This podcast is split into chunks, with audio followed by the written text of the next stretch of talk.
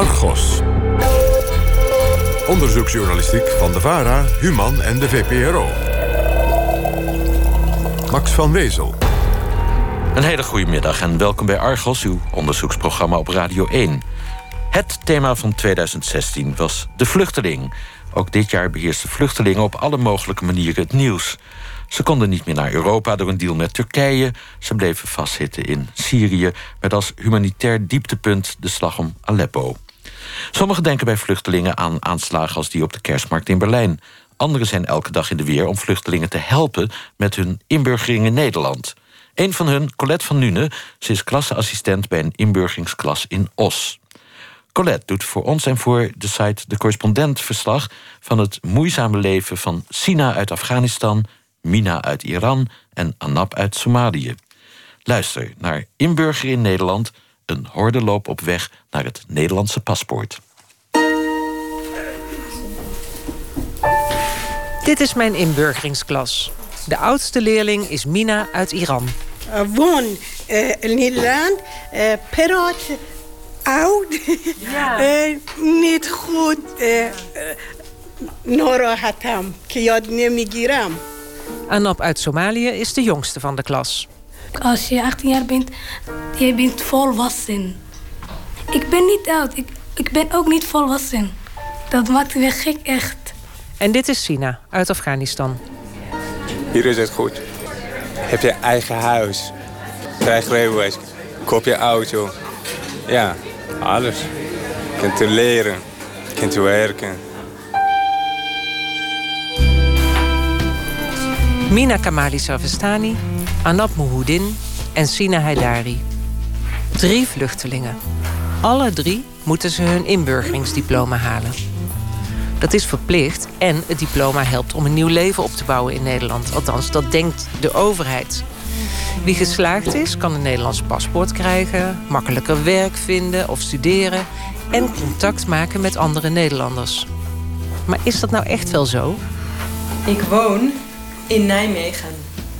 En Mina, waar woon jij? woon in Oost Jij woont in Os. Ja, jij woont dichtbij. Mina woont dichtbij de school. Nijmegen is ook een beetje ver, ver weg. En Mina woont dichtbij. zichtbaar Dichtbij. Marieke de Peuter is de docent in de klas met 12 vluchtelingen. Drie middagen per week leren ze de verplichte vakken van het inburgeringsexamen. Nederlands lezen, spreken, luisteren en schrijven. Kennis van de Nederlandse maatschappij en oriëntatie op de arbeidsmarkt. In juni begin ik als klasseassistent in deze groep. De cursisten hebben een proefexamen lezen gemaakt. Niet gehaald, nee. Jammer. Nou, eh, jullie hebben het allemaal niet gehaald. jullie hebben het niet gehaald, we gaan het bespreken. Jij had er 9 goed, je moest er 16 goed hebben. Ja. Anna? Jij had er 12 goed. Annap is 20, maar ze lijkt jonger en ze woont nog bij haar ouders. Ze is een mooi Somalisch meisje, gekleed in een lange paarse rok en een roze hoofddoek. Ze was net 18 toen ze haar verblijfsvergunning kreeg. En daarom moest ze naar de inburgeringscursus. Dus toen ik in SC woonde, en was ik 18 jaar. Dus en ik had een briefje uit de gemeente. En die brief stond dat ik 18 jaar, dus jij bent volwassen. Ja. Ik zeg, oh, ik ben niet volwassen. Somali betekent volwassen als je 25 jaar bent. Dat is verschillend. Ik zeg, ik ben niet oud. Ik, ik ben ook niet volwassen. Dat maakt me gek, echt. ja. Dat is het verschillend. En ook als je 18 jaar bent, ga je drie dagen naar school. Maar in Somalië niet. Jij vindt het gewoon niet leuk dat je niet vijf dagen per week naar school mocht. Ja, klopt. Dat wilde je eigenlijk heel graag. Ja, en ook als ik 18 jaar ben, wilde ik ook iemand die mijn leeftijd dichtbij of 19 jaar of 20. Niet oude mensen. Ja. Daar leer ik niks, toch? Het ging te langzaam voor Anap, maar nu, twee jaar later, is ze bijna klaar met de inburgeringscursus. Ze moet alleen haar leesexamen nog halen. Ik weet het niet zeker. Maar ik heb aangemeld bij het ROC. Bij het ROC hier in Os. Als je het nu haalt, dan kun je in september beginnen, hè? Ja. Ik heb gisteren een toets gedaan. Ze kijken welk niveau mij past. Oké. En je gaat de aanslag in september. Doe je boek open op bladzijde 29. In de klas leren Mina, Sina en Anop Nederlandse woorden. De Iraanse Mina is de oudste van de klas, 65 jaar. Grijs, half lang haar, altijd een broek aan, nooit een rok. En al helemaal geen hoofddoek. Ze is vijf jaar in Nederland, maar spreekt de taal nauwelijks. Als ik haar wat langer ken, krijg ik een kus bij elke ontmoeting. Door haar vriendelijke lach maakt ze woordeloos contact. Ik ben Mina. Eh, ik woon in Os. Mm, eh, ik eh, ben Mina eh, vijf eh, en zestig. Ja. Een dochter. Vier en eh, veertig jaar. 44 jaar, ja. Eh, dochter, zoon Ali Reza. Kleinzoon. 17 jaar. 17 jaar? 17 jaar Ali Reza. Voor Mina was het 50 jaar geleden dat ze in de schoolbankjes zat. Ik oefen een leestekst met haar. Eh, ja, pap, ja, bij het ontbijt. Ja. Ja. Nee, ik eet bord, bord, eh, Brood. ba- brood Ja. bij het ontbijt. Drink ja thee bij eh, het ontbijt. Nee, ik drink koffie bij het ontbijt. Ja, praat, ja, ja. Vergeten. Eh, alleen, eh, alleen, eh, eh, Ja. de... Als je het weglegt, Ja, is het weg. Ben je het vergeten? Ja, ja, ja. ja. Ja, ik snap het. Eh, moeilijk. Mina heeft al twee jaar les, maar het lukt haar maar niet om de Nederlandse woorden te onthouden, vertelt ze aan de docent. Oud?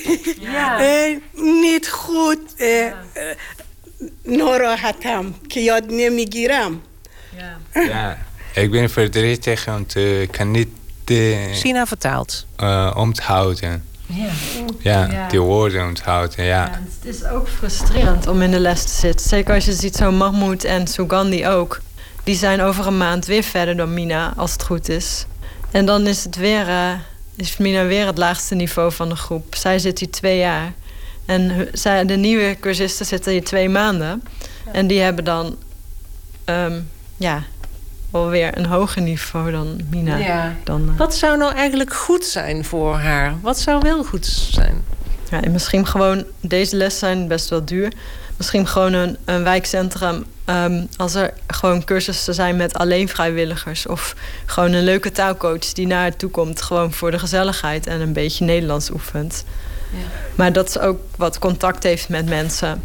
Maar daarvoor zijn de lessen te duur. 1250 euro per drie maanden. Jij vindt het leuk in de les. Dus, Ja, da- dus daarom mag je komen. En ik heb geen last van je. Je bent gewoon een lieve vrouw. En als je nou heel veel aandacht zou vragen, zou ik zeggen: ga maar stoppen, want het lukt toch niet. Maar ja, Mina zal het inburgeringsexamen nooit halen, denkt de docent. Dat is een probleem, want dan moet ze het cursusgeld terugbetalen en kan ze geen Nederlands paspoort krijgen. نیو او روز حساب مثلا من بیام به ماریکا بگم من امروز تلفن بزنم ماریکا کلاس نی ik weet niet, als je 66 bent, is de gemeente niet zo streng. dan voor mensen die 25 zijn of 30, daar is de gemeente veel strenger. Jij moet werken, jij moet naar school. Ik hoop dat ze wat soepeler zijn bij mensen die ouder zijn en wat zieker. Maar ja, ik weet het niet. Maar ik vind dat voor Mina minder belangrijk dan voor eh, Sina. Ja, ja. Sina is een slanke, goed geklede Afghaanse man van 29. Een ontspannen, tikkeltje nonchalante volhouder, zo leer ik hem kennen. Hij werkt als stucadoor en meubelmaker. Daarmee verdient hij zijn eigen geld, maar daardoor heeft hij ook lessen gemist. Op 13 juli heeft hij examens. De eerste, luistervaardigheid, ging goed. En nu is er pauze. Ja, kijken. Zullen we even koffie drinken? Ja, Ja? ja. Voordat hij in 2013 een verblijfsvergunning kreeg, zwierf Sina drie jaar rond in Noord-Europa. Zijn eerste asielaanvraag in Nederland werd afgewezen. Toen zocht hij zijn geluk in Noorwegen, Zweden, Denemarken en Duitsland, maar elke keer werd hij teruggestuurd naar het land van zijn eerste asielaanvraag. Nederland dus. Toen hij 12 was, vluchtte hij uit Afghanistan. Alleen, zonder zijn ouders en zonder zijn oudere zus en twee broers. Ik heb geen contact met de ouders. Nee? Nee, ik weet niet waar hij is. Je bent ze kwijt gewoon. Ja. Nee, ik ben alleen. In Nederland ook alleen. Altijd was je alleen. Sina's leven is beter geworden sinds hij in Nederland is. Ja. Veel beter. En dat komt ook door Nadia. Zij is echt hardig. Waar komt zij vandaan? Iraans. Mm, Ik vond van die feest. Feest. Iraanse feest. Uh, daar ik zie, ja, praten. En uh, telefoonnummer, alles, alles. Leuk. Ja. Na de zomervakantie zie ik Anap weer in de klas. Ik had gedacht dat ze niet meer zou komen, omdat ze naar het middelbaar beroepsonderwijs, het ROC, wilde. Maar ze werd niet toegelaten. Na een leestoets kreeg ze te horen dat haar Nederlands niet goed genoeg was. Ja, die vrouw was streng. Ze zei, je moet zelf verbeteren. Zoveel lezen. Le- Je moet opdrachten lezen. Ja, lezen, was, lezen is het enige wat ik moeilijk vind. ja. Dus daar, ik, eh, ik ga gewoon huiswerk doen met computer of eh, met boek. Of ik ga mijn moeder helpen met eten koken, huis schoonmaken. Ik heb wel taak. Ja, tapa mi pitapa. Tapa mi pitapa, lampa sapa. Tapa mi pitapa, lampa sapa. Espetapa tapa duputu, vrijdag gaat Mina naar de zangclub Wereldvrouwen. Vrouwen met 13 verschillende nationaliteiten zingen Nederlandse liedjes en liedjes uit hun eigen land. Vind jij het leuk hier zingen? Is het leuk, fijn? Ja, ja. Zingen? Zingen. La la la la la la. Vind je het leuk? Ja. Ja? Moeilijk. Mina rijdt altijd mee met Alain de Helmier, een van de andere zangeressen. Ik haal haar altijd op. Ehm, De busverbindingen in Os zijn vrij slecht. Kijk, ze straalt ook uit dat ze het plezierig vindt. En wij vinden het dan ook, ja, ook plezierig om iets terug te doen. Wat je geeft, krijg je terug. En persoonlijk vind ik dat ze al beetje bij beetje wel vooruit gaat. We zitten ook vaak in de auto van duim, wijsvinger, middenvinger, ringvinger. Die noemt ze allemaal op. En haren, hoofd. Dus... eh, Eh, Boom, de herfst. Ja. Eh, Boom, eh, eh, licht. Herfst, ja.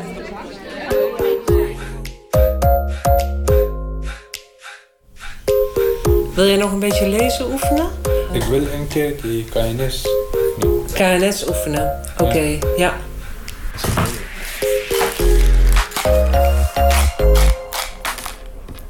De snoep. Wij hadden een afspraak. Heb jij mijn brief gekregen? Tijdens een les begin november stopt Karin van Vorst van Vluchtelingenwerk onze klas binnen. Via de post? Nee. Van mij? Nee. Nee. Ze is verantwoordelijk voor de planning van het inburgeringstraject en de examens. Jij hebt overmorgen heb je herexamen. Luisteren, schrijven, spreken. Ja. Wat denk je? Komt het goed? Ja. Want lezen was ook niet gelukt, hè? Ja, lezen ook. Is moeilijk. Ja. Niet leuk, hè? Nee. Nee. Ik hoorde van Marieke dat je in januari fulltime gaat werken. Dus dan kun je niet meer naar de les komen. Nee. Wat ga je doen Eh, de bouwwerk. in de bouw? Gijpzet tegen is verloren, is verven, alles. Oké, Ja. leuk. En als het niet lukt, doen we het gewoon nog een keer. Ja, na de vier keer hoef ik niet naar het examen. krijg je ontheffing. Ja. Ja, dan hoef je niet nog een keer Ja. voor examen. Ja, ja, Ja. ja. En dan krijg je wel gewoon een Nederlands paspoort. Ja. Dat zegt de gemeente. Ja. Oké. Ik wens je heel veel succes. Ah, dankjewel. En ik hoop dat je slaagt. Een Nederlands paspoort. Dat is het belangrijkste voor Sina. De regel is dat vluchtelingen binnen drie jaar hun diploma moeten halen. Anders moeten ze hun studieschuld terugbetalen en kunnen ze geen Nederlander worden. Ja, echt belangrijk volgens mij. Eh, van die Nederlandse nationaliteit is belangrijk. Ja. Ja, alles eh, heb je geen diploma, ja, dan krijg je nooit nationaliteit. Dus die Nederlandse nationaliteit. Maar hoe ga je dat dan hoe ga je dat doen? Dus je wil per se dat paspoort, dus je moet dat diploma Eh, halen. nou- Maar je gaat ook werken, dus je kunt niet meer naar school. Dus. Ja, werk ook eh, belangrijk. En die Nederlands paspoort ook belangrijk. Ja. Ja, Ja. ja het is, alle twee is het belangrijk. Ja. Ja, ik weet, ik weet niet wat moet ik doen. ja. Wat is het eerste wat je gaat doen als je je Nederlandse paspoort hebt? Mm, misschien iets je huis kopen. Ja, misschien volgende jaar. Eh, ik wil trouwen. Volgend jaar wil je trouwen. Eh, mijn vrienden willen trouwen. Zij willen eerst trouwen, dan eh, krijgen een baby. Ja.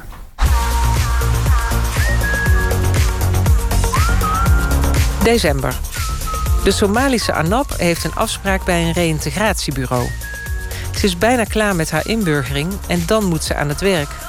Maar ze heeft geen beroepsopleiding en ook geen werkervaring. Goedemorgen, hallo.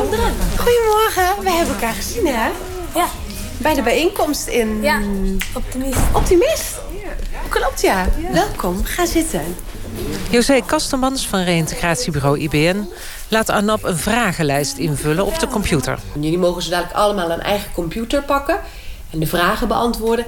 Het is gewoon een vragenlijst, zodat we je beter kunnen leren kennen. To get to know one another. Het gaat over haar achtergrond, opleiding en interesses. Ze moet ook weer een taaltoets maken. Drie uur later is ze klaar. Dus 14 december kom je terug, samen met je moeder. En dan gaan jullie samen praten over wat zou je willen, over het ROC, dat het in Os niet gelukt is, dat het misschien in Den Bosch kan. En dat we dat aan de gemeente moeten vragen of dat dat mag. Stel dat de gemeente zegt school mag niet. In het, ja, kan hè? Moeten we. Echt? Weet ik niet. Voor hun is echt belangrijk dat mensen zo snel mogelijk hun eigen geld gaan verdienen. En school is dan niet de route. Maar dat heeft puur te maken met de menselijke kant van degene die dit bekijkt. Dit is een jong iemand. Eh, door nu te investeren bereik je op lange termijn een beter resultaat. En die kant zullen we opgaan. Ehm, en dan gaan we zien wat ze kiezen. Snap je dat? Ja. Ja. Goed? En voor nu ben je klaar. Oké, thank you. Weekend. Een week later bel ik Anab om te horen hoe het gesprek bij het reïntegratiebureau is gegaan. Die vrouw eh, die heeft eh, naar een ROC be- gebeld en ze vraagt of ik eh, mag. Of ik mag nu beginnen, maar die vrouw zegt nee. Ze heeft onvoldoend. eh, Ze heeft al eerder toetsen gedaan en die was onvoldoend. Ze kan echt niet. Ja, maar dat was in juni. En toen had jij ook jouw leesexamen niet gehaald. Maar nu is het december en heb je wel je leesexamen gehaald. Jij bent nu beter geworden, toch? Maar niet zo beter, want ik voel en ik weet. Het komt goed. Ah. Ga je nog iets leuks doen dit weekend? Nee, gewoon huiswerk. Ik ben echt druk. Ja, ik hoop het voor jou dat je een leuk weekend hebt. Dankjewel. Oké, doei doei. Doei.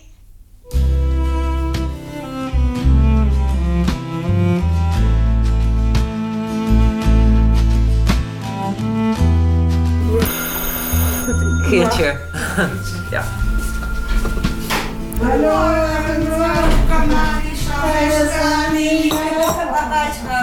Grote knuffel.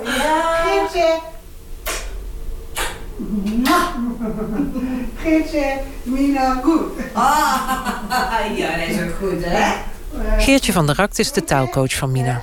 Al twee jaar lang, sinds Mina in Os woont, komt ze iedere week bij haar thuis. Wij samen goed, hè? Wij samen. Ja, samen. Ja. Samen goed, hè? Ja, ja. Hebben ze een eigen taaltje Ja. ontwikkeld. Ja. Ja. Wij doen verschillende dingen. We zijn nou ben ik haar patiënt aan het leren. Omdat ze nogal eenzaam is door de slechte communicatie. Dat kan, ik zoek steeds iets om, voor haar om zichzelf te vermaken. Ja. Dus een volwassen kleurboek. Haken was geen succes. Rummy Cup. eh patiënts. En daarnaast heb ik boekjes van school. Ze zit nou op AWM 4. Dat is haar niveau. Dus zeg eerst eh, groep, groep 3 niveau zit Ja. ze. En wel, ik heb wel oefeningetjes of ik doe een puzzeltje of wat er ook maar in me opkomt. Soms gaan we weg. Ja. Even ergens Maar je kijken. hebt dus het gevoel dat ze wel eenzaam is, toch? Ja, Ja. zegt ze ook. Ja. Ze heeft, bijna, ze heeft weinig contacten. Uh, ze heeft contact met een dochter, de kleinzoon. En voor de rest kan ze zich nauwelijks, je hoort het, slecht verstaanbaar maken. Hoeveel ze ook samen praten, nog steeds spreekt Mina slecht Nederlands. Over een half jaar stopt de inburgeringscursus voor haar. Niet omdat ze dan haar diploma heeft, maar dan is haar geld op. 10.000 euro heeft ze geleend van de dienst Uitvoering Onderwijs. Het maximale bedrag. Daarvoor moet het te doen zijn, dacht de overheid. Maar meer dan de helft van de vluchtelingen haalt het diploma niet op tijd. Nee, nee. En is dat goed of niet goed voor jou? Ja, mm, goed. hè. Ja, ja, ja kinderen, ja, eh, hoe gaat het, laat. eh, Ja, eh, toch. Praat, ja. eh, ja, Is dat goed? lief. Ja.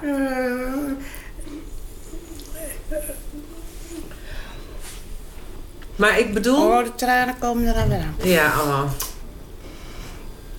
Dat is onmacht, is dat. Want ze kan niet meekomen. Ja. En dat frustreert haar. Ja, natuurlijk. Dus wat dat betreft zou het best prettig zijn, denk ik, als ze daar eens een keer vanaf kwam van die school. Mina doet haar uiterste best. Ze wordt geholpen door een lieve docent, krijgt zanglessen in het Nederlands en heeft een trouwe taalcoach die iedere week bij haar komt. En toch lukt het niet. برای خودمه چون خودم میخوام زندگی کنم تا لحظه که زنده هستم میخوام از این لذت ببرم از زندگی ولی خب اه، Ja, zij heeft gezegd ja, alles is leuk. Maar eh in het Nederlands eh, is het moeilijk. Iets dingen kopen van die winkel kan ik praten. Maar ik kan niet. Ja, Ze blijft een vreemdeling in Nederland, die afhankelijk is van de hulp van anderen. Anop is wel geslaagd. Haar inburgering is klaar, maar geïntegreerd is ze nog lang niet. Daarvoor heeft ze te weinig contact met Nederlanders. Vandaag is ze voor het laatst in de les. Ik vraag naar haar toekomstplannen. Als ze net zo oud is als haar klasgenoot Sina, bijna 30, hoe hoopt ze dan dat haar leven eruit ziet? Ik hoop zo snel dat mijn land veilig is. Dan eh, ga ik terug. Ja, want eh, als ik zeg ik, ga, ik blijf gewoon hier, dan eh, vind ik toch moeilijk. Heb je niet echt het gevoel dat je hier thuis bent, dat dit jouw land is? Nee, Nee. nee. Hoe komt dat? Ja, het komt door, eh, door de school, Ja. door taal, moeilijk om werk te vinden, zoveel dingen. Ja. Maar als je in je eigen land bent, dan hoef je niet taal te leren. Je kunt werk vinden en je voelt je prachtig. Dat is jouw eigen land. Ja. Zo is het. Ja. Maar voorlopig is het te onveilig om naar Somalië te gaan. Dat weet Anap ook wel. Haar droom en de werkelijkheid liggen ver uit elkaar. Nee, ik wacht wel tot ik eh, goed leren en een goede baan vond. En, en ook als ik getrouwd ben. En wat is een goede baan? Mijn gewenste beroep is eh, een dokter. Dat is te moeilijk, hè? En Sina. Wat wil je later worden? Ik heb een baan. Ik ben blij met die baan. Ja, ik wil wonen hier. Ja. Sina is wel gelukkig in Nederland. Hij is een doorzetter en hij zoekt zijn eigen weg. Of hij zijn inburgeringsdiploma op tijd haalt, weet ik niet. Hoe meer hij werkt, hoe minder tijd hij overhoudt om te studeren. Maar bij Sina weet je, die komt er toch wel. Met of zonder inburgeringsdiploma. Maar hier is het goed. Heb je eigen huis. Krijg rijbewijs. Koop je auto. Ja, alles. Ja. Je kunt leren. Je kunt werken.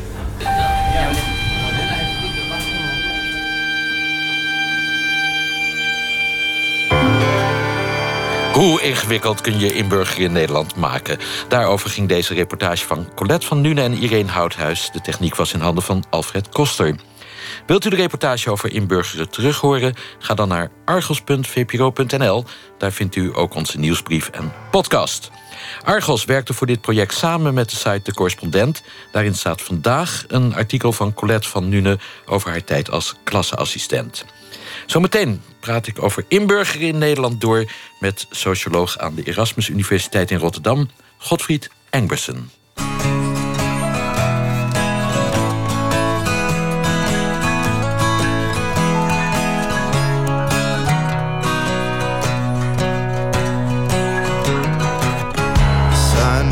Myself out today. I sent a letter far away. I said, baby, I'll be good someday. Gonna try again tomorrow. Try again tomorrow. I couldn't take that sterile place. In those rooms, I lost my tell me.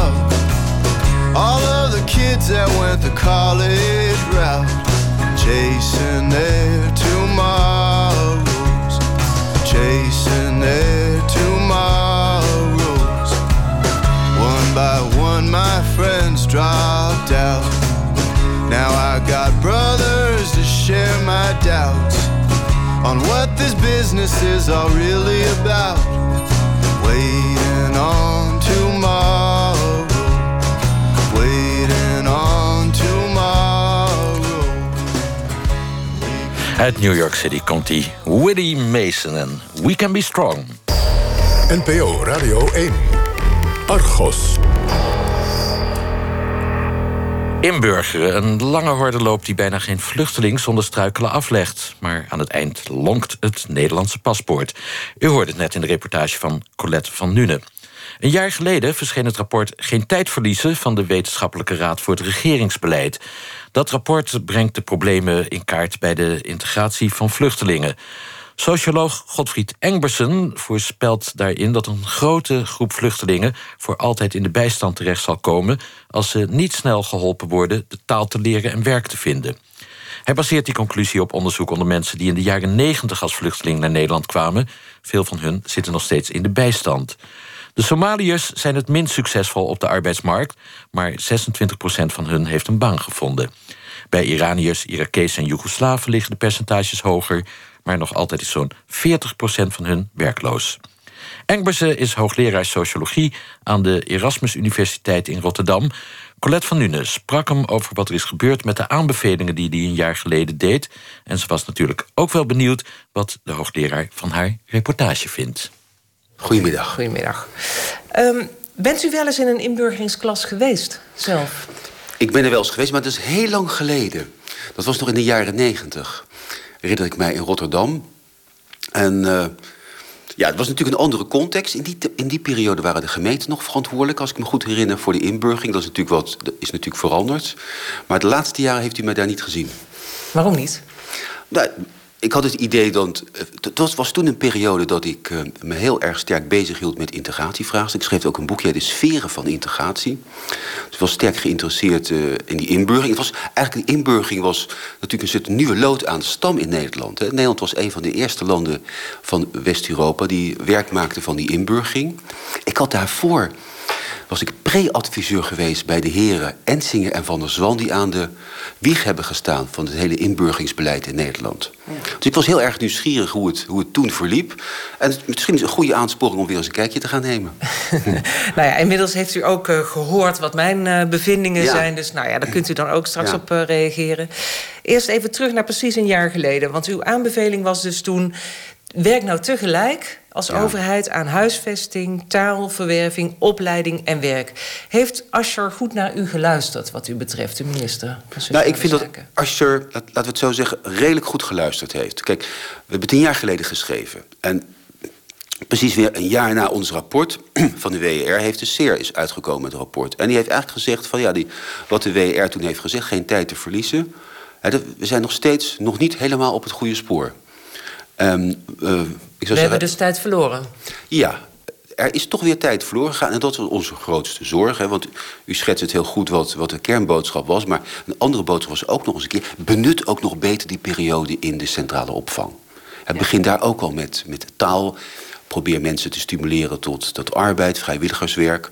Nou, wat je ziet gebeuren zijn twee dingen, zou ik zeggen. Eén, de gemeente hebben wat meer middelen gekregen voor de opvang van vluchtelingen en de begeleiding, met name het eerste jaar. En ik denk dat dat geïntensiveerd zou moeten worden. Dat zou versterkt moeten worden, dat is één. En in de tweede plaats heeft als je het mogelijk gemaakt... dat er al professionele taal is, ook al voor die mensen die nog geen status hebben. Mm Er komen mensen bijvoorbeeld uit Eritrea of uit Syrië... waarvan je weet, die gaan een asielstatus krijgen.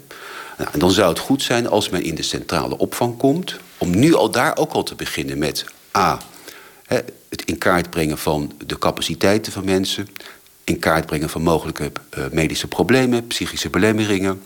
Wat kunnen mensen, en ook al te beginnen met taal.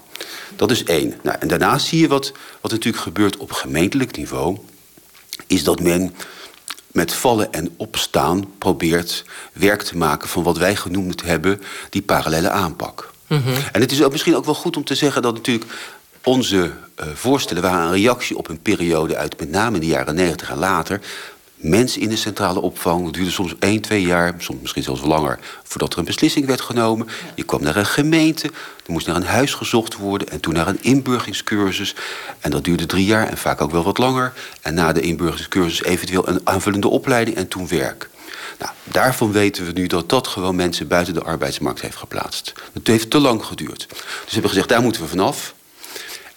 En we gezegd, kan je dat toch niet dingen meer tegelijkertijd doen? Maar dat is natuurlijk makkelijker gezegd dan gedaan. Precies. En um, dus we, ook in dat nieuwe systeem moeten we natuurlijk proberen weer niet te rigide te zijn. Nou, misschien kunnen we daar straks over praten. Een soort ja. praktische wijsheid. Ja. ja, precies. Nou, laten we even ja. met, een, uh, met een voorbeeld uh, komen. Dan, dan komen we straks inderdaad wel op die praktische wijsheid, denk ik ja. vanzelf. Want ja, waarom halen mensen dat inburgeringsexamen niet op tijd? He, want dat is nog steeds zo. Ook weer in de nieuwste cijfers uh, zien we dat het niet beter gaat met de inburgering. Nog steeds haalt de helft van de mensen het niet binnen die verplichte drie jaar.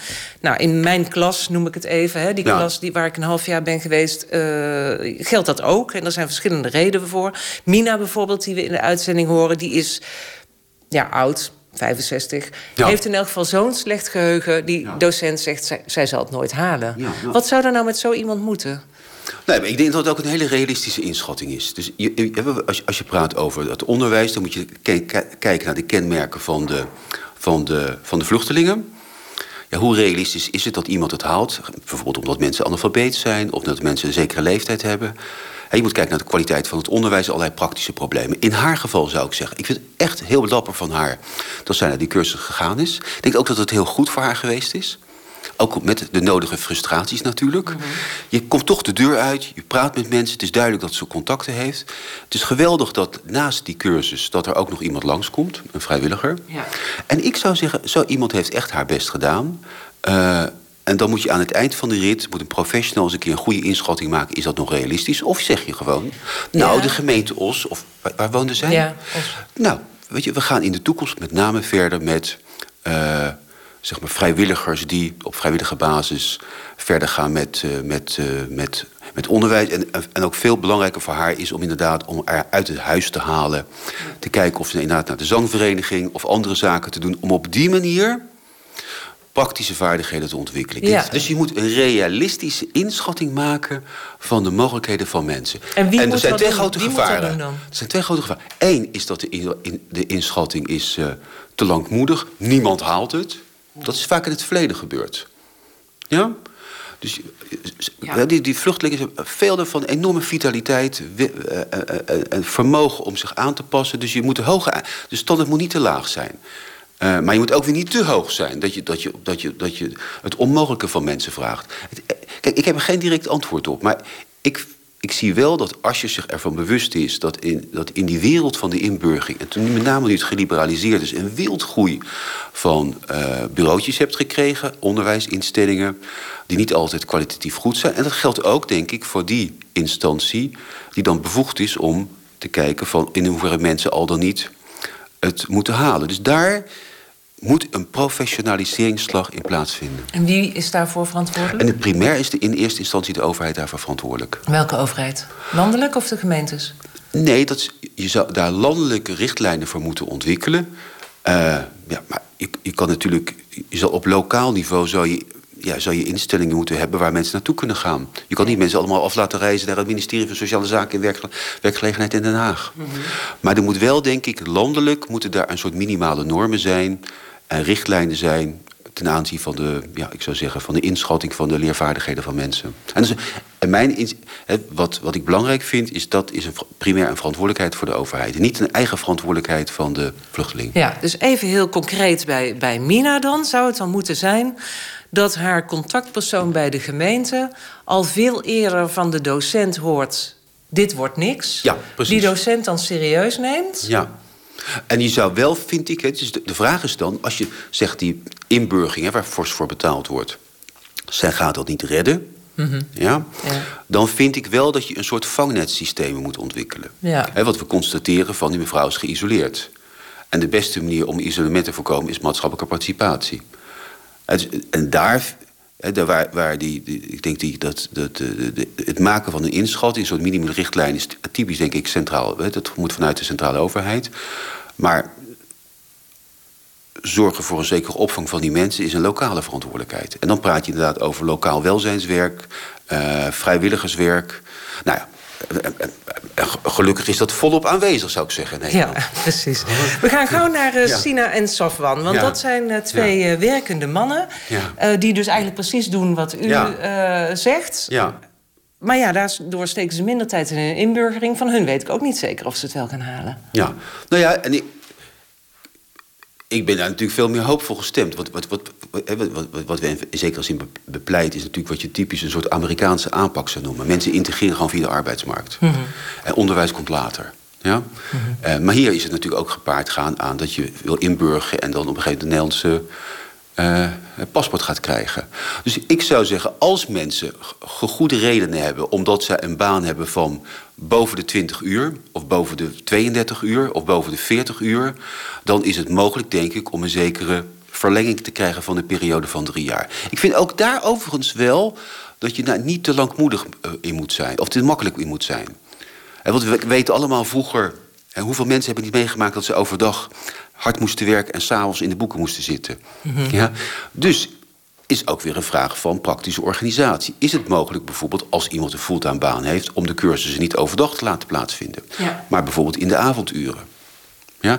Dat is één oplossing waarvan ik denk dat dat voor veel mensen een oplossing zou zijn. En dat ook eh, eh, een groot aantal vluchtelingen daar eh, de voorkeur aan geven. Anderzijds is het, als dat ingewikkeld te organiseren is... gewoon een zekere verlenging van de drie jaar. En ik denk dat het arbeidsmarktargument het allerbeste argument is, eerlijk gezegd. Dus werk gaat altijd voor leren, wat u betreft. Nou, dat hoort u me ook weer niet zeggen. Nee, want dat vind ik weer te makkelijk. Want dat duale is natuurlijk in zekere zin waar wij eigenlijk voor gepleit hebben. Zeg maar die duale trajecten, om het heel duur te zeggen. Van namelijk aan de ene kant werken en aan de andere kant onderwijs. En het, kijk, in sommige Ik zie in de gemeente Os overigens dat dat eh, echt al heel erg in de praktijk wordt doorgevoerd. Dus mensen die eh, inderdaad uit de les worden gehaald omdat er werk voor ze gevonden is. Ja. En eh, dan wordt dus gezocht naar hoe ze in de avonduren toch dat werk kunnen ja, gaan en, doen. en dat is natuurlijk heel goed. En ook. eh, en, en, en vooral die duale trajecten zijn natuurlijk belangrijk, omdat voor, je zal, deels zie je natuurlijk dat arbeid voorbereid, dat, dat door werk leer je Nederlandse taal. Mhm. Maar we, we zien ook dat, dat je door werk zeg maar plat Brabants leert. Of dat je als machinebankmerk in je uppie bij een machine staat. Ja? Waar je niet tegen kan praten, die machine. Dus als je werkt, wil niet zeggen dat je daar direct een, een enorme woordenschat opbouwt. Nee. Dus het is toch goed om dat, toch dat in het vizier te houden. Oké, blijven leren. Ja. Tja, dan is de vraag: integreren mensen eigenlijk wel voldoende door eh, in te burgeren? En heel opvallend, ik heb dat gisteren heb ik nog een dinertje, een kerstdinertje gehad met mijn eh, klas. En ik heb het ze gewoon gevraagd: van jullie zitten nu aan het einde van dat traject. Heb je nou het gevoel dat je voldoende uit de voeten kan hier in, eh, in Nederland? En het antwoord was nee. De hele klas zei nee. Het is helemaal niet genoeg. Nee. Ik spreek veel te slecht Nederlands. Ik begrijp er nog veel te weinig van. Ja. Veel mensen konden geen werk vinden. Ja. Verbaast u dat ook? Nee, helemaal niet. Ik zie, ik, maar ik zie ook inburgering. Ja, het woord klinkt, inburgeren klinkt natuurlijk... Als je dat gedaan hebt, dan ben je ingeburgerd. Mhm. Maar ook zeg maar, de, de Nederlandse burgers doet heel lang voor men ingeburgerd is. Je groeit op, je gaat naar school. Hè, je leert je, weg, je wegwijs te vinden naar het lager onderwijs, middelbaar onderwijs. Je eerste voetstap op de arbeidsmarkt. Je verhuist, je krijgt een huis. Dus, dus eh, burger worden en zijn is ingewikkeld. En ik zie dat inburgering alleen maar als een heel klein onderdeel, eerlijk gezegd. Niet een onbelangrijk onderdeel, Mm. maar dat je toch de. Ik zie het simpelweg als een eerste basisvaardige, eerste gereedschapskist. Beetje taalkennis. Liefst zo goed mogelijk. Enige kennis van wat is nou Nederland. Enig idee van wat is nou die Ne- de Nederlandse arbeidsmarkt.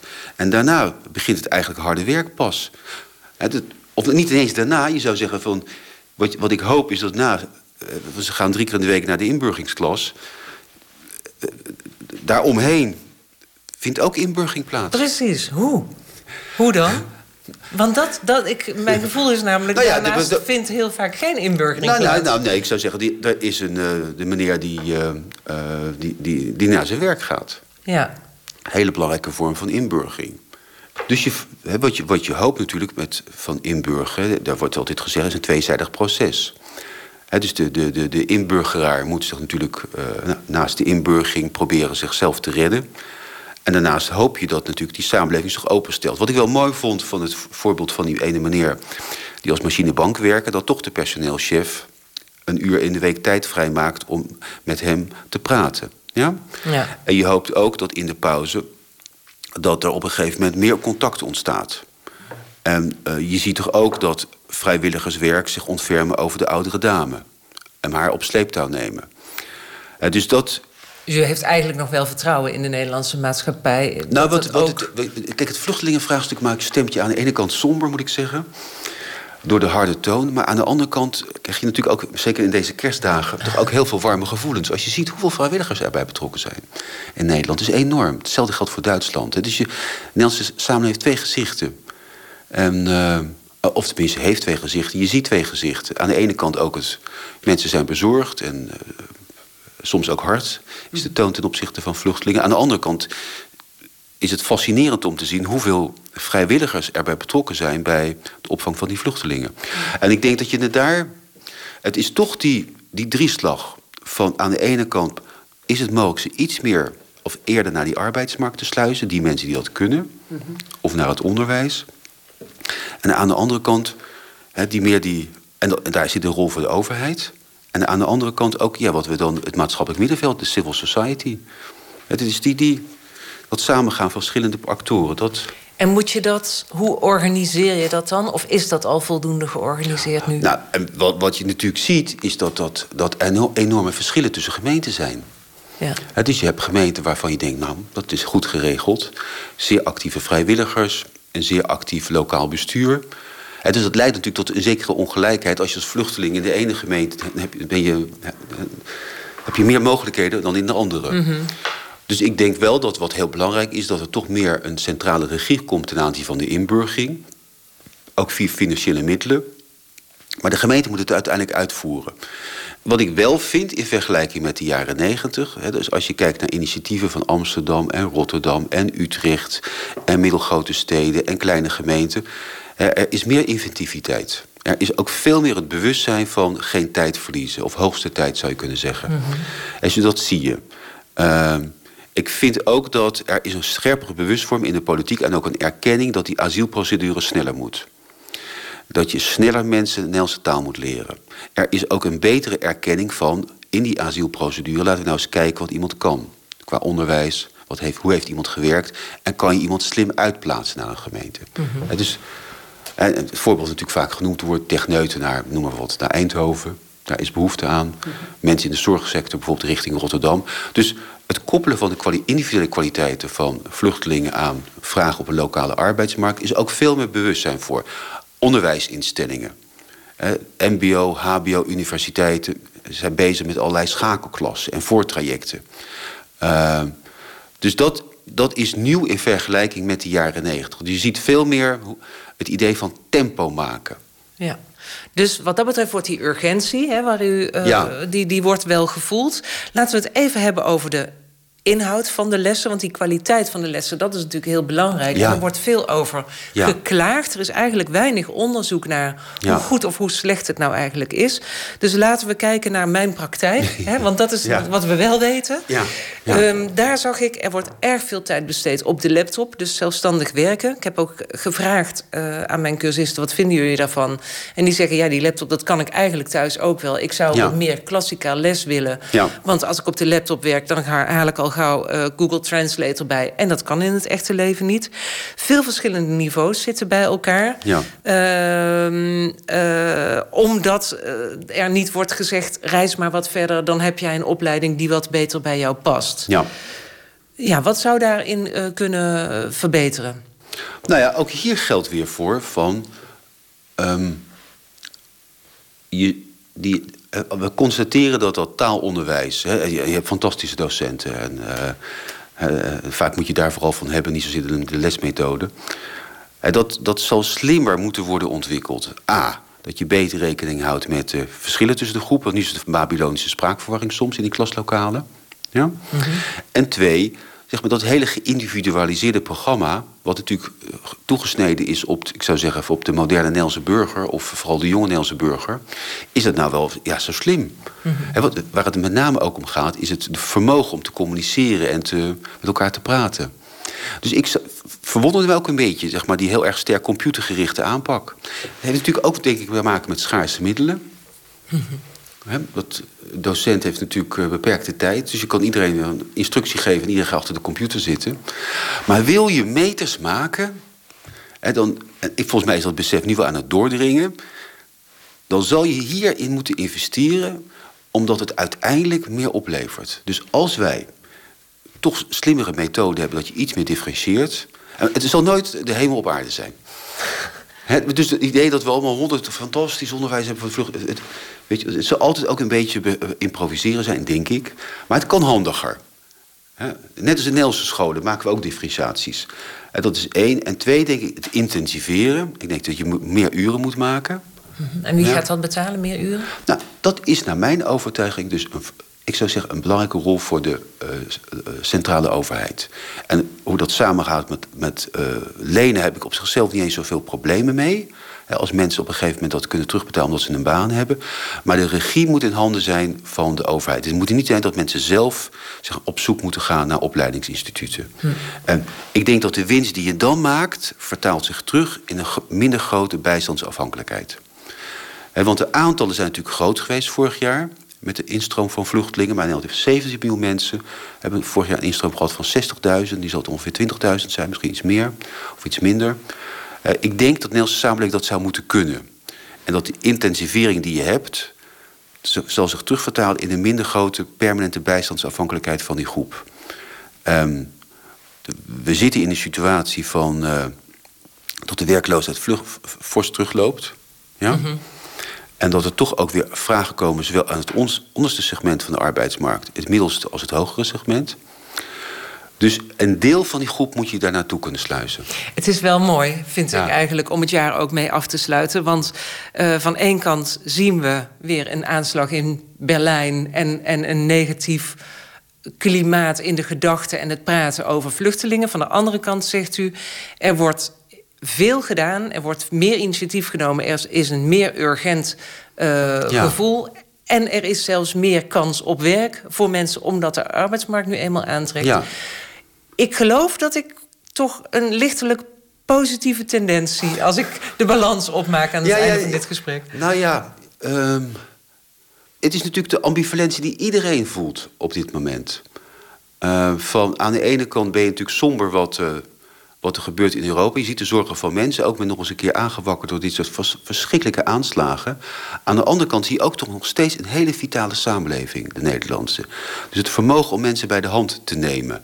En, uh, het is, ik ben raadslid van de Wetenschappelijke Raad. Ik ben ook bestuurslid van het Oranje Fonds. Mm -hmm. Als socioloog bestuur ik altijd de sociale problemen in Nederland. Maar ik sta dan van te kijken dat inderdaad dat die vrijwilligerssector. Hoeveel mensen nog steeds betrokken zijn om mensen een handje te helpen. Dat is één. Wat ik ook zie is iets meer, nee, veel meer bewustwording bij werkgevers. Zie je ook in de SER terug. Maar om een soort systeem te ontwikkelen wat ook daadwerkelijk werkt, nou, daar zijn we, dat, dat wordt nu uitgevonden, sterk op lokaal niveau. Dus daar heb ik wel mijn hoop op gevestigd, eerlijk gezegd. Sterk op lokaal niveau, zegt u erbij. En ja, dat is ook moet... nodig, want met de verkiezingen in aantocht... zal er vanuit de landelijke overheid natuurlijk niet meer zoveel gebeuren de komende tijd. Nee, en dat is natuurlijk mijn grote angst. En wat, ook wat ik interessant vind op lokaal... Het is heel erg gepolitiseerd natuurlijk. Hm. het vluchtelingenvraagstuk. Ja. En in de verkiezingen zal niemand zal daar... Nou ja, daar kan je niet politiek veel profijt van hebben. Althans in positief zin.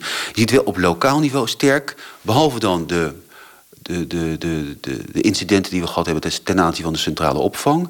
zie je wel op lokaal niveau een heel erg pragmatische aanpak. Mm dus wat mij opviel is, los van elke politieke kleur... zie je dat iedereen zegt, we moeten het proberen op te lossen. Dat, daar heb ik mijn hoop op gevestigd. Dat je toch meer zoekt naar praktische oplossingen. En, ik, de, en de combinatie zal zijn dat gemeenten meer gefaciliteerd gaan worden door de Rijksoverheid... meer middelen krijgen, dat de overheid weer een grotere regie heeft... maar dat de uitvoering sterk op lokaal niveau plaatsvindt. En, uh, en dan hoop je, of het nou om OS gaat ook een ingewikkelde arbeidsmarkt heeft. uh, of Maastricht, of uh, Rotterdam, Amsterdam. Dat, dat die slimme waar, trajecten waar we niet over hebben... van mensen laten leren en werken, dat het beter lukt. En ook een zekere uh, wijsheid van... voor sommige mensen staan echt voorbij de, de inburgeringscursus. Daar zou je het op een andere manier moeten organiseren. Dank u wel tempo maken met werk en opleiding voor asielzoekers en vluchtelingen. Het advies van professor Godfried Engbersen. En dit was de laatste Argos van het spannende jaar 2016. Morgen op 1 januari dus meer onderzoeksjournalistiek... bij de collega's van Reporter Radio van 7 tot 8. Zij gaan verder in op het thema 2016, het jaar van de vluchtelingen. Ik wens u een uh, fijne oudejaarsavond. Volgend jaar hopen we u weer te verwennen met spraakmakende onderzoeken en onthullingen. Vanaf zaterdag 14 januari, want volgende week kunt u luisteren naar de Europese kampioenschappen Sprint op de schaats. Straks WNL op zaterdag met de rechtsfilosofen Afshin Elian en Paul Cliteur. Zou wel eens over het proces Wilders kunnen gaan. Een hele goede jaarwisseling.